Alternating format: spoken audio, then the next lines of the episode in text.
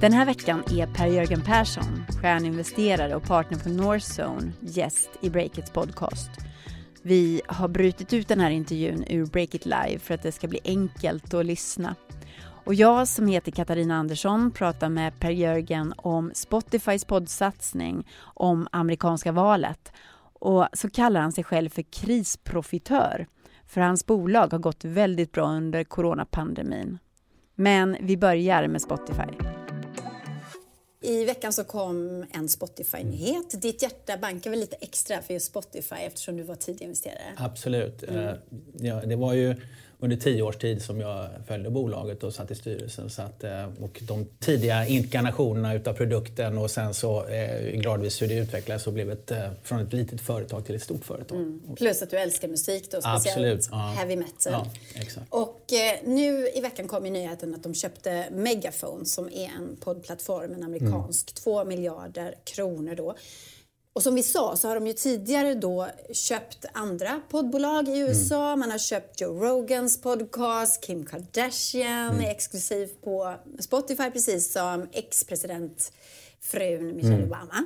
Så man satsar ju väldigt hårt på det här. Eh, kan du förklara varför Spotify satsar så hårt på just poddar? Jag tror att eh, det som är så uppenbart är att eh, den marknaden för recorded music som egentligen det traditionella sättet att eh, beskriva musikindustrin, den är i runda slängar 17-18 miljarder dollar. Mm. Men om man tittar på radiomarknaden för kommersiell radio så är den eh, faktor 4-5 utav det. Så att det är, när, är liksom någonstans mellan 80 och 100 miljarder. Mm. Eh, och eh, den marknaden har ju inte riktigt utvecklats i det digitala Eh, formatet i någon speciell omfattning. Och det som, som man ser nu det är ju att eh, eh, podcaster eller spoken word eh, blir tillsammans med nyheter förmodligen den metoden som Spotify har för att börja att ge sig i kast med den marknaden och faktiskt över tiden ersätta den kommersiella radion. För att jag tror att i grund och botten så det behovet vi har när vi åker till jobbet på morgonen det är att liksom, lyssna på musik, lyssna på nyheter och bli liksom, informerad om mm. någonting som intresserar oss. Och eh, radions format löser det delvis ja. men har inte riktigt eh, utvecklats i den takt som de skulle kunna göra. Och eh, med, med den enorma content som, som då de här streamingplattformarna där Spotify ligger i täten i världen Mm. Så, så är det ju naturligt att de går efter den marknaden. Men vad du säger då är att eh, Spotify kan komma att döda kommersiell radio? Ja, Sådana plattformar? Ja, absolut. Och jag tror att eh, om man tänker sig att nästan varenda bil idag har ju någon form av integration med eh, Spotify. Eh, och likadant hem, eh, hi-fi-anläggningar, mm. likadant där. Så att jag tror att över tiden så, så kommer nog hela den marknaden att liksom gå över till att vara distribuerad på samma sätt som alla andra digitala produkter. Och då är den som har pole position där i den transitionen utav den marknaden, det är definitivt Spotify. För det är de som har tänkt längst på det och också exekverat och eh, säkrat content. Och det är ju alltid, alltid innehållet som avgör eh, mm. om, om användarna eh, kommer och stannar. Mm. Men det jag tänker på är lite så här, i, i vanlig flödesradio, mm. man kan ju sätta på den, så kan han ju vara ja. i bilen och det kommer en låt och sen kommer det nyheter mm. och sen kommer något program och så vidare.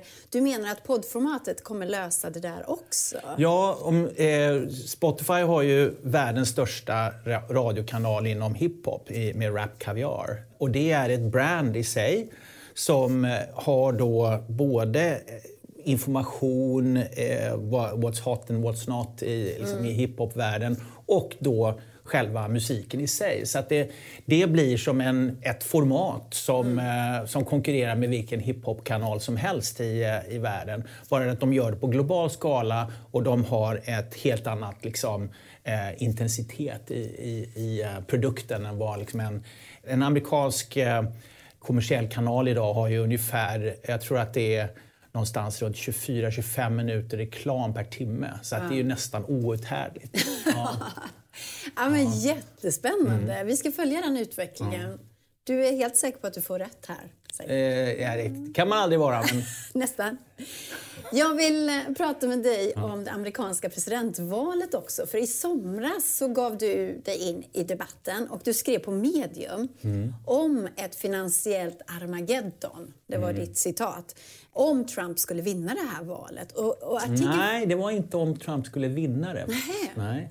Okej, okay, jag hade fel där. Du skrämde ja. i alla fall upp folk ordentligt. Ja, precis. Ja. ja. Och den fick spridning. Var du, ja. var du eh, överraskad att den fick sån spridning? Eh, ja, det var jag nog faktiskt. Men själva min, eh, min tes handlade egentligen om att vi och vi är nästan i det läget just nu, men inte riktigt så illa som, som jag prognostiserade då. Mm. Det var att vi skulle komma i ett läge där det blev en konstitutionell kris på grund av att ingen kunde utses till vinnare och mm. att man också skulle börja och, och bråka på riktigt eh, runt vem som tillträder som president. Eh, mm. och, och vi, vi ser ju förvisso att det finns tendenser till det, att Trump kommer att eh, liksom inte kommer ge sig med, eh, ge med sig liksom frivilligt. Ja, men undrar om de ska bära ut honom ur Ja, precis. Eh, men nu, nu förefaller det som att det är ändå ganska klart att mm. han har förlorat. Mm. Eh, och det är väl bara en tidsfråga innan innan även han någonstans eh, går ut bakväg eller något sådant. Men min, min tanke var att eh, det kanske är ett läge där det inte går att utse någon vinnare och när det blir en konstitutionell kris. Och då, det som vi har njutit av de senaste 20-25 åren det är ju låga räntor och eh, en, en ständigt uppåtgående aktiemarknad med undantag av, av 2008-2009. Mm. Och att det som har varit liksom bränslet för det har varit en, framförallt lågränteekonomin och att vi har lånefinansierat nästan liksom överallt oavsett om landet heter eh, Kina, eller USA eller Japan. Så det mesta är lånefinansierat av den här framgången. Och att då komma ett läge när världens största ekonomi inte förmår lösa sina konstitutionella problem och samtidigt mm. kör med 18 procent i rött. Liksom, och ska rulla runt 2 triljoner dollar mm. i nya skulder. Då måste nog de flesta långivarna ställa sig själv frågan Ska vi verkligen ha nollränta på det här? Ska vi inte ha lite riskkompensation? Och om de då får det, ja, då kanske det blir en, liksom en förtroendekris för dollarn och då kanske dollarn kollapsar som följd av det. Och, mm. och det skapar då den här jordmånen för en, en finansiell Armageddon. Mm. Som jag, jag tror inte vi är där. Det är inte, det är inte så illa som, som jag spekulerade om Fast då. du kanske är glad för att det inte blev så? Oh ja, absolut. Men eh, här hemma då, hur ser du på det? Hur det ser ut, ja, de effekterna från USA-valet nu här hemma, blir det någon effekt? Ja, alltså, jag har en, en god vän som, eh, som jobbar på Thomson Reuters och som ställde frågan varför är ni så himla upptagna av USA-valet? Det räcker väl att titta i Polen och se vad som pågår där. Mm. Det är ju mm. fruktansvärt eh, de rättigheter som håller på liksom, att tas bort där till, från befolkningen. Och jag tänkte så här att varför har jag inte informerat mig om det? Vi är, liksom, mm. vi är lite besatta med USA. Och jag tror att det spelar mindre roll än vad det egentligen gör. Utan det är mer en psykologisk eh, obsession som jag har runt USA. Mm. Men det är ju helt klart så att det är en av våra största handelspartners och eh, de definierar väldigt mycket takten i världsekonomin. Så att eh, absolut, det spelar roll för oss också. Mm. Nu är det i stort sett klart liksom, i USA. Men coronakrisen, mm. den eh, fortsätter ju. Och under coronakrisen så har ju flera av dina bolag som du investerat i, digitala bolag, mm. har ju gått väldigt, väldigt bra. Du köpte en eh, mötesplattform, Hopin, ja, precis före coronakrisen. Men du visste ju inte att det skulle komma corona. Varför satsade du på den där? Nej, vi, vi, eh, och det var min kollega i London, eh, Paul, som investerade i Hopin som är då en plattform för att driva möten i lite eh, har mer sofistikerad version av Zoom som gör att du kan driva till exempel konferenser och så den vägen. Mm. Och, eh, eh, hypotesen var att vi skulle vilja resa mindre på grund av klimatskäl. Eh, mm. Men sen kom ju då covid och då var det helt andra anledningar till varför det... det men samma resultat? Ja, liksom. ja, men på åtta månader så fick vi det som vi trodde skulle hända på tre år. Liksom. Mm. Så att eh, en enorm förändring väldigt snabbt och eh, eh, har också visat sig vara kanske den mest extrema manifestationen av det här. Men vi har ju sett det i många av våra bolag att, att väldigt stor del av den här planerna som har varit i många företag och hos många konsumenter om att eh, de kanske vill förändra sin konsumtionsmönster till ett mer digitalt konsumtionsmönster. Mm, mm. Det har ju fått en enorm acceleration. Ja. Ja. Men samtidigt då som dina bolag har gått väldigt bra, eh, man tjänar mycket pengar, så är det ju andra bolag som går på knäna. Hotellkedjor, ja. restauranger, flygbolag. Hur känner du inför det öppet? Liksom, vad du själv är med om och vad du ser i samhället? Ja, alltså det, eh, det känns ju som att man är ibland som en krisprofitör i det avseendet att, eh, att eh, under de förutsättningar där det är vissa som verkligen verkligen lider av det som pågår och att hur vi, eh, våra, alla våra stater då liksom pytsar ut massvis med stödpengar till, för att hålla de här mer traditionella bolagen under armarna. Mm. Och, eh, samtidigt så, så kan man väl säga så här att det är ju viktigt att det finns då en väg framåt. Eh, så att det är väl egentligen det i, i mina eh, liksom så här, mörka stunder som jag intalar mig själv då, åtminstone. Att, att de här företagen som vi har investerat i som går så väldigt bra, de skulle ha kommit dit ändå så småningom. Mm. En ehm. krisprofitör, det är ett väldigt fult ord som du kallar dig själv. Och jag undrar, har du dåligt samvete lite grann då? Nej, alltså, mörkaste jag, stunder? Jag, jag, jag, tror att man måste vara jäkligt ödmjuk runt det här. Bara för att det här har hänt betyder inte att jag är världsmästare på, på liksom att förespå hur, hur eh, hur världen utvecklas. Liksom, I det här avseendet har jag bara haft tur. Mm. Eh, och det, liksom, man ska ju aldrig blanda ihop tur med skicklighet. Liksom. Och vi i den här branschen har ju haft tur i det avseendet.